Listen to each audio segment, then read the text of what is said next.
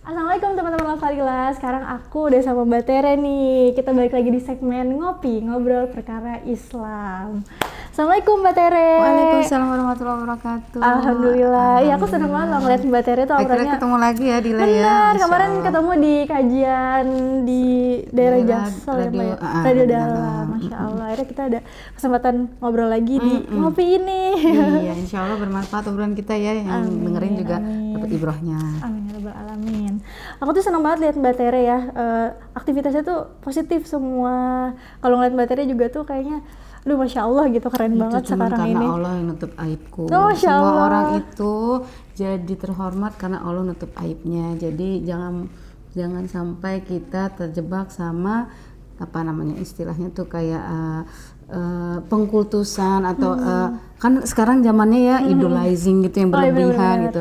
Karena pada akhirnya yang kita perlu itu cuman tadi bagaimana satu orang ini bisa influencing kebaikan. Oh, Jadi Allah. yang dilihat itu kebaikannya. Iya, Instead of banget. oh si person ini, si person ini jangan lihat oh dia memberikan kebaikan apa. Nah, itu yang harus kita copy paste Oh, gitu. benar-benar di highlight eh, apa yang dia sampaikan, apa yang dia lakuin tiru tuh, Betul. harus di copy paste yang baik-baik.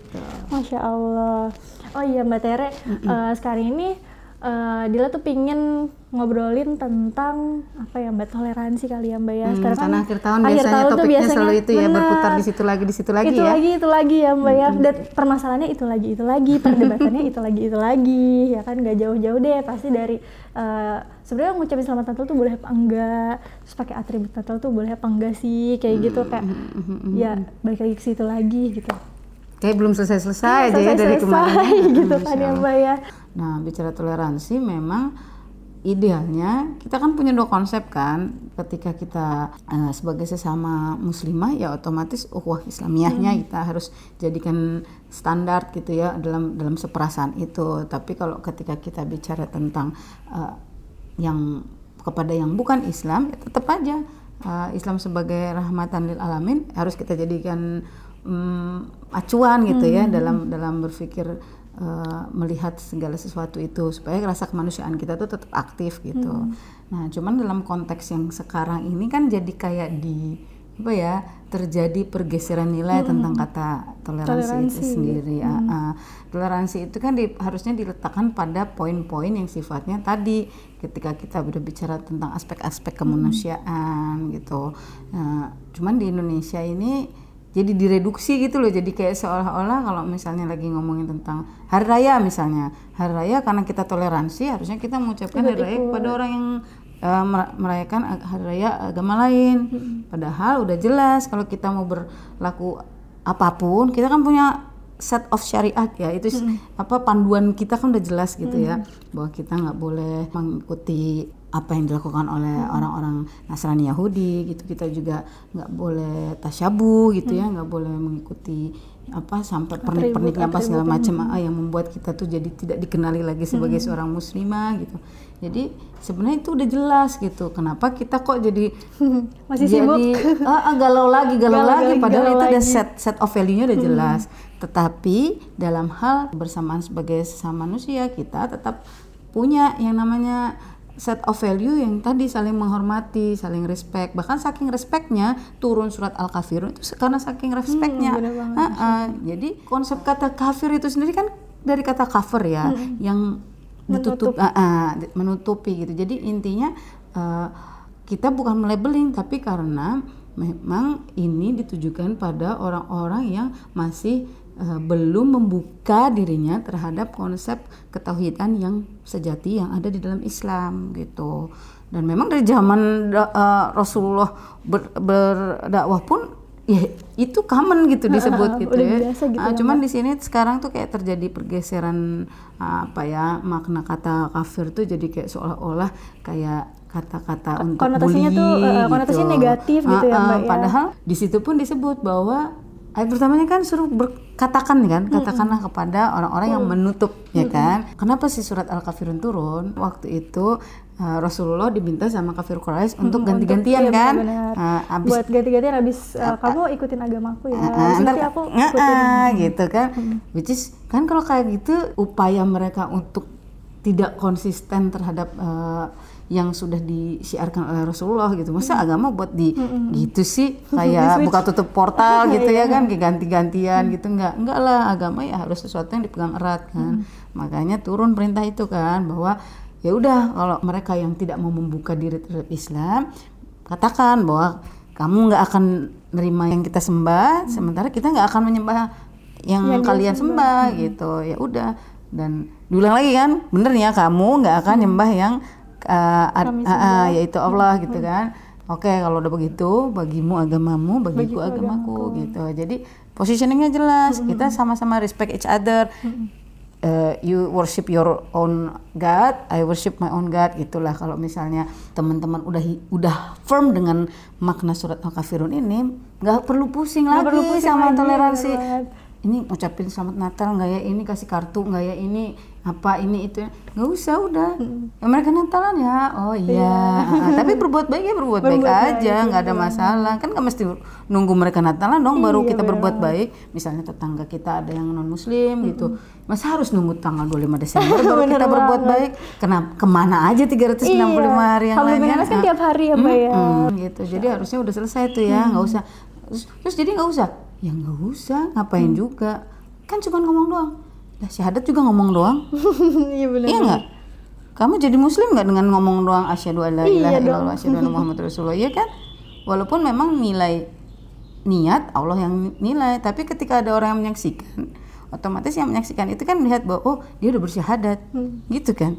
Nah ini juga sama prinsipnya. Kenapa uh, kita tidak diperbolehkan untuk mengucapkan selamat Natal karena makna dari kata Natal itu sendiri. Dulu aku juga belum paham tapi ya ya itulah indahnya Allah kasih hidayah dalam ilmu ya. Jadi kalau kita terus mencari petunjuk Allah itu pasti ditambahkan terus ilmunya insya Allah.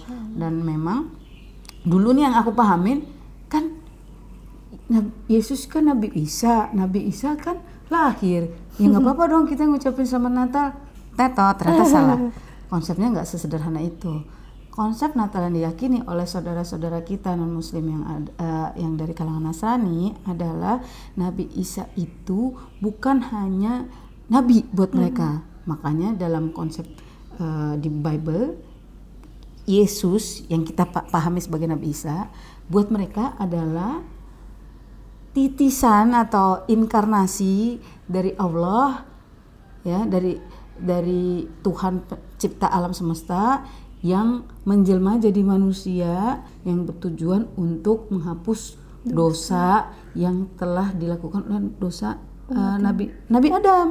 ada ada istilah dosa asal kalau buat mereka. Karena Nabi Adam makan buah pengetahuan, ah, ah. kan jadi semua manusia berdosa kalau menurut pemahaman Bible ya. Makanya supaya nggak berdosa lagi, supaya hapus itu dosa turunan, dosa waris, dosa asal itu, Allah Bapa yang mereka sebut Allah Bapa itu, itu menjelma, menginkarnasi sebagai anak manusia yang disebut Yesus untuk menghapus dosa manusia dengan ja- jalan disalib. Hmm. Jadi nanti siapa pun yang telah menerima salib, which is menerima Yesus, itu otomatis dosanya Akan dihapuskan bersih Hmm. dan pasti dijamin surga. Itu konsep mereka tentang ide Trinitas yang yang ada dalam dalam ya, eh, dalam Bible dan dan yang dimaknai lewat kelahiran Yesus. Jadi ceritanya kalau kita Natal berarti kita mengharapkan dan mengimani adanya juru selamat yaitu Allah Bapa yang turun jadi manusia bernama Yesus yang akan menyelamatkan umat manusia dengan jalan di kayu salib. Tuh, itu konsep Natal buat mereka. Kita nggak tahu kan nih ya, kita salaman aja selamat Natal gitu ya. Tapi kalau orang nggak tahu selamat Natal ya walau alam ya ntar Allah yang bagian ngecek ya. Tapi kalau kita udah tahu ya jangan diikutin lagi gitu kan. Banget Kalau belum tahu ya walau alam gitu. Tapi ketika udah tahu, Kalau udah ngapain lagi sih gitu? Iya, kan udah jelas-jelas. Di surat Al-Kafirun jelas. Iya, Masya Allah, udah jelas Ah, banget ya, ah, Mbak ya. ah. Dan Jadi ketika kita usah, udah- nggak usah lah, nggak usah, nggak usah. Nggak usah di Iya nggak nggak usah dihebohin lagi gitu. dihebohin Kenapa? lagi. Iya. Karena ada urusan yang tentang tentang intoleransi yang lebih lebih krusial lagi bener nih. banget. Yaitu apa? Bagaimana saudara-saudara kita yang ada di East Turkistan itu yang sekarang jadi provinsi Xinjiang di Hmm. Cina yang dulu dulu tuh mereka mayoritas loh. Nah, Kebayang ya, dulunya mayoritas di zaman Khalifah Utsmani lalu pecah karena ini ya ke runtuhnya kekhalifahan dan akhirnya mereka masuk dalam provinsi Xinjiang di Cina. Dan ternyata sudah banyak sekali upaya sistematis yang dilaku- dilakukan oleh pemerintah Cina untuk menghilangkan mereka secara eh, sistemik. Jadi sistemik. jadi ibaratnya genosid secara sistemik. Nah, jadi kalau kita bicara tentang toleransi, justru kita harus ini waktunya toleransi untuk saudara-saudara kita yang lain nih, saudara muslimah muslim muslimah kita yang ada di East Turkistan, warga Uhyur, jadi sukunya Uhyur. Mereka itu kan jelas-jelas ya sekarang sedang dizolimi oleh pemerintah Cina. Bahkan ada upaya untuk melakukan genosida secara sistemik, mulai dari yang perempuannya itu dipaksa menikah dengan non muslim, yang laki-laki dibunuh, disiksa, terus uh, dipaksa makan babi. Iya dipaksa makan babi, alkohol. Ah, ah, terus nggak boleh sholat, bayangkan. Sampai sholat aja nggak boleh ya, nggak ya? boleh gitu, sampai inget Tuhan aja nggak boleh gitu. Harusnya kalau kita seorang Muslim itu saatnya untuk kita berpikir, are you tolerant enough to think about other Muslim in the world? Gitu kan? Itu jelas loh, banyak datanya, walaupun segitu rupa ditutup-tutupi oleh pemerintah Cina gitu. Banyak yang uh, ibaratnya- hoax, iya, gitu ya. tapi penyintasnya banyak loh, udah lebih dari satu juta yang yang yang disiksa gitu. Dan banyak yang sampai ke negara-negara di sekitarnya ya, termasuk ke Kazakhstan, terus ke apa namanya, ada bahkan yang ke Brunei juga ada, ke Malaysia juga ada. Tapi kok Indonesia kok asik-asik aja katanya Muslim dan Muslimah terbesar ya di dunia. Mana toleransinya? Kok kita malah toleran sama yang nggak harusnya kita pikirin lagi gitu loh. Iya kan yang jelas-jelas satu iman satu kan? iman Hmm, satu hmm, akidah yang hmm, harusnya hmm. satu tubuh bahkan ya mbak ya kalau mereka di sana sakit kita harusnya juga ngerasain sakit tapi Iya. justru hello kita kayak lagi Nah tidur iya knock knock, hello my Tidur. sisters and brothers, tok tok tok tok gitu. Itu baru Uhyur ya, belum Kashmir, belum lagi yang udah jelas-jelas Palestina yang yang nasibnya kayak apa, belum yang di Yaman, di Suriah. Ya Allah banyak banget gitu. Kenapa kita sibuk menghabiskan energi kita untuk toleransi yang tidak pada tempatnya. Tidak pada tempatnya. Bukan berarti kita tidak menghormati perbedaan, enggak. Perbedaan itu sudah sudah jadi keniscayaan. ada, iya, Heeh. Kalau Allah mau dijadiin kok satu umat, tapi kan Allah memang mengecek sejauh mana kita, ini punya kadar yang yang bisa dipertanggungjawabkan lah gitu. Karena nanti kan kalau di surat Ankabut ayat 2 kan emang yakin Mas pasti masuk surga.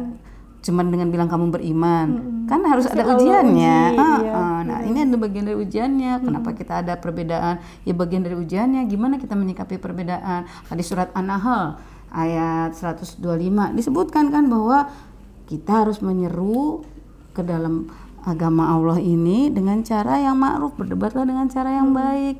Karena however yang punya pengetahuan bahwa yang ini nanti akan dapat hidayah ini enggak, itu ya cuman iya Allah. benar Masya Allah Gitu. Jadi ya teman-teman. tugas kita cuman bagian dakwah. Dakwahnya dengan apa? Sebaik-baik dakwah adalah akhlak yang mulia. akhlak yang mulia contohin ya mbak ya Iya. Oke mbak Tere eh, tadi kan eh, kita udah lihat sendiri faktanya gimana gitu ya di luar sana banyak banget saudara-saudara muslim kita yang justru jadi korban intoleran gitu dan sedangkan kita di sini masih Karena mereka minoritas ya. eh, karena mereka minoritas gitu ya Dan dulunya padahal mereka mayoritas. dulunya mayoritas tapi sekarang jadi minoritas Nah, dan ini- ini ini fair serem loh, banget ini, PR horor banget loh Kenapa? Karena Indonesia juga mengalami depresiasi Hmm. yang cukup signifikan juga dari jumlah uh, umat Rakyat muslim ya. muslimnya. Mm-mm. Mungkin kalau di sensus tahun 2000 kita masih 95 persen, 2010 kita 85 persen. Walau alam nih, eh, apa walau alam 2020 2020. Apakah masih Menyusut lagi kah, menyusut lagi kah? Karena data terakhir bertahan? itu udah sekitar 70 persen ya Allah gitu. Hello, knock knock knock. Ketok lagi nih, knock knock knock. Sisters and brothers, hello. Apa mau kita tunggu nasib kita seperti kayak orang-orang waktu di Andalusia tuh udah habis gitu baru baru mau mau Islam benar gitu. Yang terjadi di Andalusia dulu sama di East Turkistan saat ini itu kurang lebih mirip loh mirip kan sejarah selalu berulang ya. dan Allah memang selalu memberikan pelajaran yang sama. Kalau kita belum belum cerdas-cerdas juga untuk memahami pelajaran kehidupan gitu kan. Makanya pelajaran sejarah biar tahu ini kita tuh mengalami hal yang sama lagi. Kok nggak mengambil pelajaran? Padahal di Al-Qur'an selalu ya gitu ya. Wat tafakarun. Ya kan? Bagi mereka yang mengambil pelajaran berpikir ya kan. bagi orang yang berpikir, bagi orang-orang yang berakal gitu ya, masya Allah. Sejarah berulang, sejarah berulang, dan ini dengar kayak gitu ya pun horor banget. yang tadinya mayoritas bisa jadi minoritas, dan sekarang ketika kita nggak peduli sama yang minoritas-minoritas ini, Kita juga siap-siap loh. siap-siap loh, bisa jadi kita gitu. Dan ya jangan sampai kita terkecoh gitu, yang mana yang masalah penting, yang mana yang masalah receh. Mm-mm. gitu jadi come on guys wake up Wake up. Kalau soal yang teman-teman berinteraksi, eh, bersosialisasi, ada yang eh, nggak semuanya yang muslim, ya wajar lah itu memang sunatullah. Tapi cara terbaik kita adalah yaitu dengan akhlak mulia. Akhlak mulia. Itu kan banyak banget kalau kita baca sejarah ya, eh, baca buku-buku tentang bagaimana dakwah tanpa kata-kata tapi dengan perilaku. Itu banyak loh kisah orang yang masuk Islam bukan karena Di- dika, dicecerin ah, ah, gitu ya. tapi karena ngeliat itu kok baik banget ya. Jadi ada kisah yang seru banget waktu itu saya cerita sama teman-teman di Anaba Center ya salah satu santri mualafnya itu masuk Islam gara-gara apa kak? Cuman gara-gara ngeliat kakaknya masuk Islam pakai pakaian menutup aurat kok indah banget ya gitu. Hmm, masya Allah Terus adiknya datang kak aku juga mau dong jadi Islam kok Islam memuliakan perempuan Hmm, dengan baju yang begitu tertutup. Ya Allah. Sesederhana itu loh gitu. ya Allah luar biasa banget ya mbak ya sedangkan aku juga dulu didakwahinya sederhana gini. Waktu kan eh, waktu kuliah kan biasanya ngomonginnya tentang oh, apa bagaimana eh, ini hubungan satu dengan lain hal, eksistensi apa pokoknya bahasanya lagi belajar bahasa tinggi-tinggi gitu. Terus kita sampai ke pertanyaan besar, siapa Tuhan? Ya kan? Tuhan tuh siapa? Nah kan dulu kan aku mikirnya kan ya karena yang diajarin sama agamaku ya itu tadi konsep trinitas tadi. Terus temanku dengan sederhana dia bilang, "Eh, Yesus tuh juga ada di Islam jangan salah." Loh, bukannya kamu tuh dulu bilangnya "Eh, Muhammad? Nggak ngerti kan dulu karena saya yang kupikir dulu posisi Nabi Muhammad dalam Islam itu kurang lebih kayak posisi Yesus dalam Bible. Jadi seolah-olah kalau Islam mengkultuskan Nabi Muhammad, kalau Kristen Kristen itu Nabi Isa. ah, ah, Nabi Isa gitu dengan konsep Trinitas gitu. Ternyata kan enggak, enggak kan Tuhan cuma satu Allah. Tapi Yesus itu ada di Al-Quran sebagai nabi, bukan Tuhan gitu. Jadi penasaran kan? Oh gitu ya. Baru tuh akhirnya Allah Kepo-kepo, izinin, iya kan suka riset gitu kan. Oh cari tahu cari tahu, terus baca buku-buku kayak apa? Salah satu mualaf yang terkenal Profesor Maurice Buckel tentang science Bible dan Al-Quran gitu. Nah, itu itu ada juga terus uh, bukunya Ahmad Dida tentang the choice pilihan. Jadi dia kayak studi komparasi. Ini Al-Quran sama Bible mana nih yang lebih yang lebih otentik gitu. Masya Allah. Akhirnya ketemu surat An-Nisa ayat 171 yang isinya kurang lebih wahai ahli kitab, janganlah kamu berlebih-lebihan dalam agamamu karena sesungguhnya Nabi Isa putra Maryam itu adalah Rasulullah. Dia diperkuat dengan Rohul Kudus. Jadi berhentilah mengatakan Tuhan itu tiga. Itu kurang jelas apa? Hmm, masya Allah Ketemunya di mana? Di Al-Quran. Al-Quran, Nah, ya sekarang memang PR-nya umat muslim di, di Indonesia terutama adalah kurang akrab lagi sama surat cintanya Allah. hmm, benar-benar mbak Padahal kalau kita bilang, "Kamu Islam nggak?" Islam. "Kamu sayang sama Islam?" "Sayang." Nah, surat cintanya Allah dibacanya iya kapan? benar tapi kadang suka Tunggu lupa bulan gitu ya Ramadan. dalam dalam satu hari ya Hmm. kadang lewat gitu ya baca Quran Mm-mm. Masa Masya tunggu bulan Ramadan? iya Kalau masa- ketemu bulan Ramadan Iya, lagi kan? Padahal Ramadan itu justru itu bekal buat satu tahun ke depan ya mbak ya mm-mm. dan nah itu PR-nya adalah satu tahun ke depannya kira-kira kita tuh eh, apa ya lulus nggak nih? Nah, masih tetap buka Qurannya sama seperti bulan Ramadan gitu. Padahal bulan Ramadan doang yang diistimewakan ya mbak ya. Nah ini juga konsepnya nih. Harus dikoreksi juga evaluasi Betul. lagi buat diri kita sendiri masya Allah. Jadi padahal harus setiap saat. Mm-mm, Allah udah udah tulisin eh, Allah udah jelasin gitu ya dengan eh, gamblang di dalam Al-Qur'an dan jawabannya tuh ada semua gitu. Bahkan sejelas itu loh. Iya, oh, yang yang disalib surat An-Nisa 157 jelas ditulis bahwa itu diserupakan. Sedangkan Nabi Isa diangkat ke surga. Terus kan kalau teman-teman ini udah lebih punya bekal untuk menceritakan kisah the truth about Yesus yang sesungguhnya, itu kan kita juga enak nanti pelan-pelan kalau mereka udah mulai comfort dengan Ah, keislaman udah gitu terus pengen tahu. kepo. Ah, ah, nah ya udah kasih tahu infonya. Bukankah kalau kita tiap Jumat bilang apa tuh? Ah, Al-Kahfi ayat 4 tentang apa.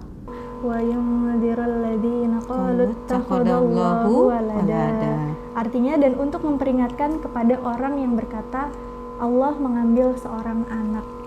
Nah, jadi sekarang baca Al-Kahfi makin yakin ya, jangan Makin cuman yakin. dibaca gitu doang.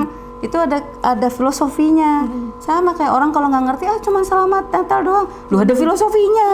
gitu. Semua itu pasti ada filosofinya. Jadi kalau kita makin mempelajari, makin mempelajari, makin mempelajari insya Allah kita jadi ngerti. Oh, ini tuh kenapa ada ayat ini. Ini kan waktu itu kisahnya kalau surat Al-Kahfi zaman kekosongan Rasul ya.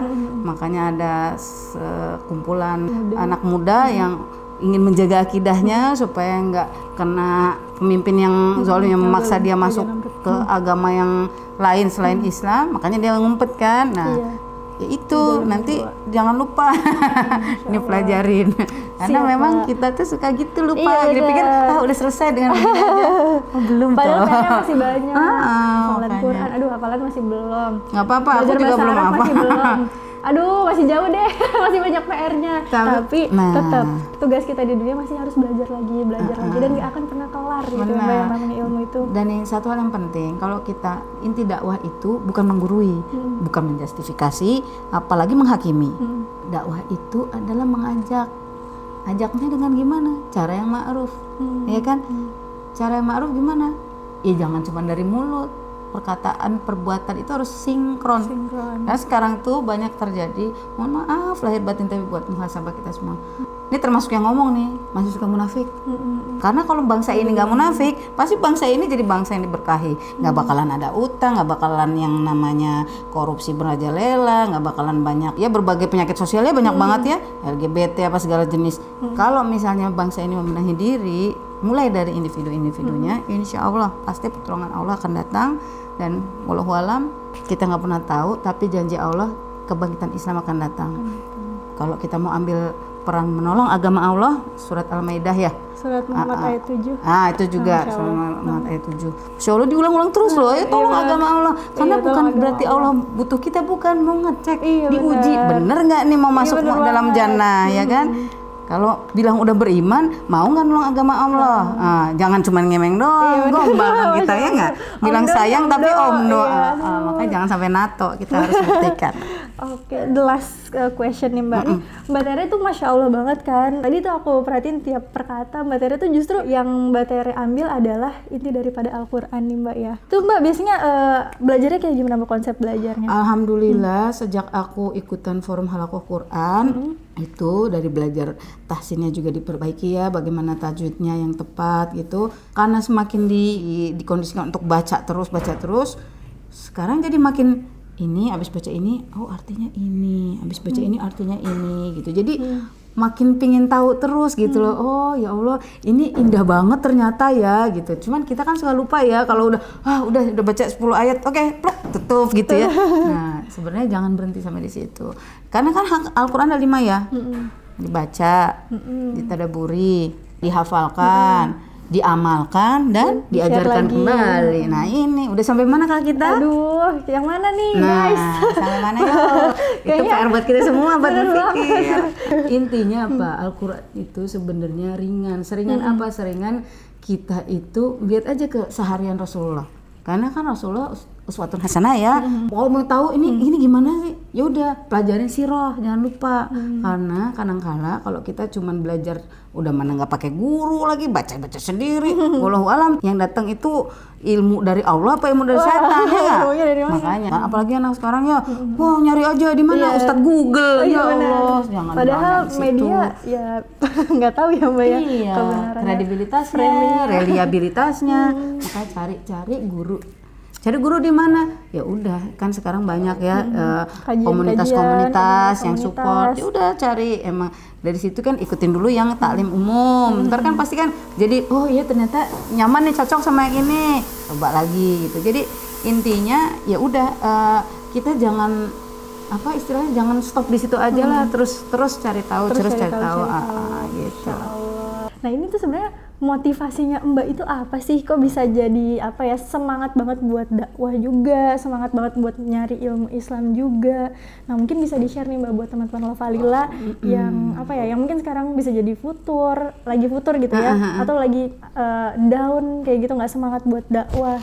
Kalau lagi down obatnya surat Ar-Rod uh, ayat 28 ya, surat surat Al-Rod ayat 28 karena hanya dengan mengingat Allah hati menjadi tenang. Jadi kalau lagi down jangan lupa zikirnya itu Al-Qur'annya dibaca lagi, jangan lupa bersujud minta sama Allah untuk dikasih apa ketetapan hati. Ya mukolibal kulub sabit sekolbi aladin mm itu penting banget. Terus kalau ditanya motivasinya apa? Cuma dua motivasinya. Dapat ridho Allah dapat syafaat Rasul. Dah itu aja. Allah, itu aja. Wah, iya kan hidup ini kan nggak hidup ini apa sih hidup ini apa Cuma numpang lewat. ah transit Transit. Nah, iya tapi di masa transit kita yang cuma sebentar ini itu jadi patokan nilai indikator kita masuk ke surga nanti Mm, bener banget. Gitu. Jadi satu titik untuk jalan yang tak berhingga. Hmm, gitu. makanya masya Allah. Masya Allah. Jadi Dan- jangan jangan jangan sampai disia-siakan ya, apalagi kan pertanyaan akhirat nanti salah satunya kamu habiskan dengan apa masa mudamu? Teng teng. Kalau ditanya gitu nggak bisa jawab gimana? Kalau misalnya sidang skripsi aja perlu uh, Persiapan kan? persiapan Ah, gitu, ah, apalagi, apalagi sidang akhirat nih. sidang akhirat. Dan buat apa masa mudamu? Jawablah dengan Jadi perbuatan. PR. Iya. Jawab dengan perbuatan. Benar banget, masya Allah. Jadi eh, simple ya mbak sebenarnya motivasinya pingin ridho Allah sama pingin syafaatnya Rasul. Dan insya Allah banget nih mbak Tere. Ya kalau kita pengen masuk surga kan coba. Nggak usah gitu kita pengen naik kelas aja kayak berusahanya Iya, uh pol banget. Itu baru urusan dunia. Mau masuk surga? Masa ya kita santai-santai terus ah ntar masuk surga. Jangan mentang-mentang karena kita udah syahadat terus kita ah nanti kan kalau umat Islam pasti masuk surga. Eh Hmm. jangan lupa Allah bilang kan pas eh, Rasulullah bilang semua umatku ya Allah boleh masuk surga. Boleh kecuali yang enggan. Yang enggan tuh yang ngapain? Yang nggak ngikutin Iya. gayanya Rasulullah. Jadi jangan sampai kita meremehkan hal-hal Hmm. yang sekarang tuh kecenderungannya gitu. Ah gampang tarsok ini ini ini. Tarsok. iya kan? Iya, nggak taunya nah gitu. Iya. udah mau deadline aja baru mikir deadline-nya apa? Sakratul maut kita. Udah ada tandanya nih expire date tanggal sekian sekian sekian. Ya itu berarti udah harus diambil kan? Iya benar. nah, ah. Nah, makanya jangan sampai kita baru sadar pas udah mau expired. Hmm, udah telat ya mbak ya, ya Allah. Di jalan yang nah baik, mudah-mudahan. Firaun juga baru sadar pas udah di sini kan? Iya udah udah di tenggorokan. Dan akhirnya? Dan akhirnya? Telat. nah jangan telat Aduh, ya. yang sering banget ditanyain Hmm. terus menghadapi futur. Tadi ya jangan lupa zikir.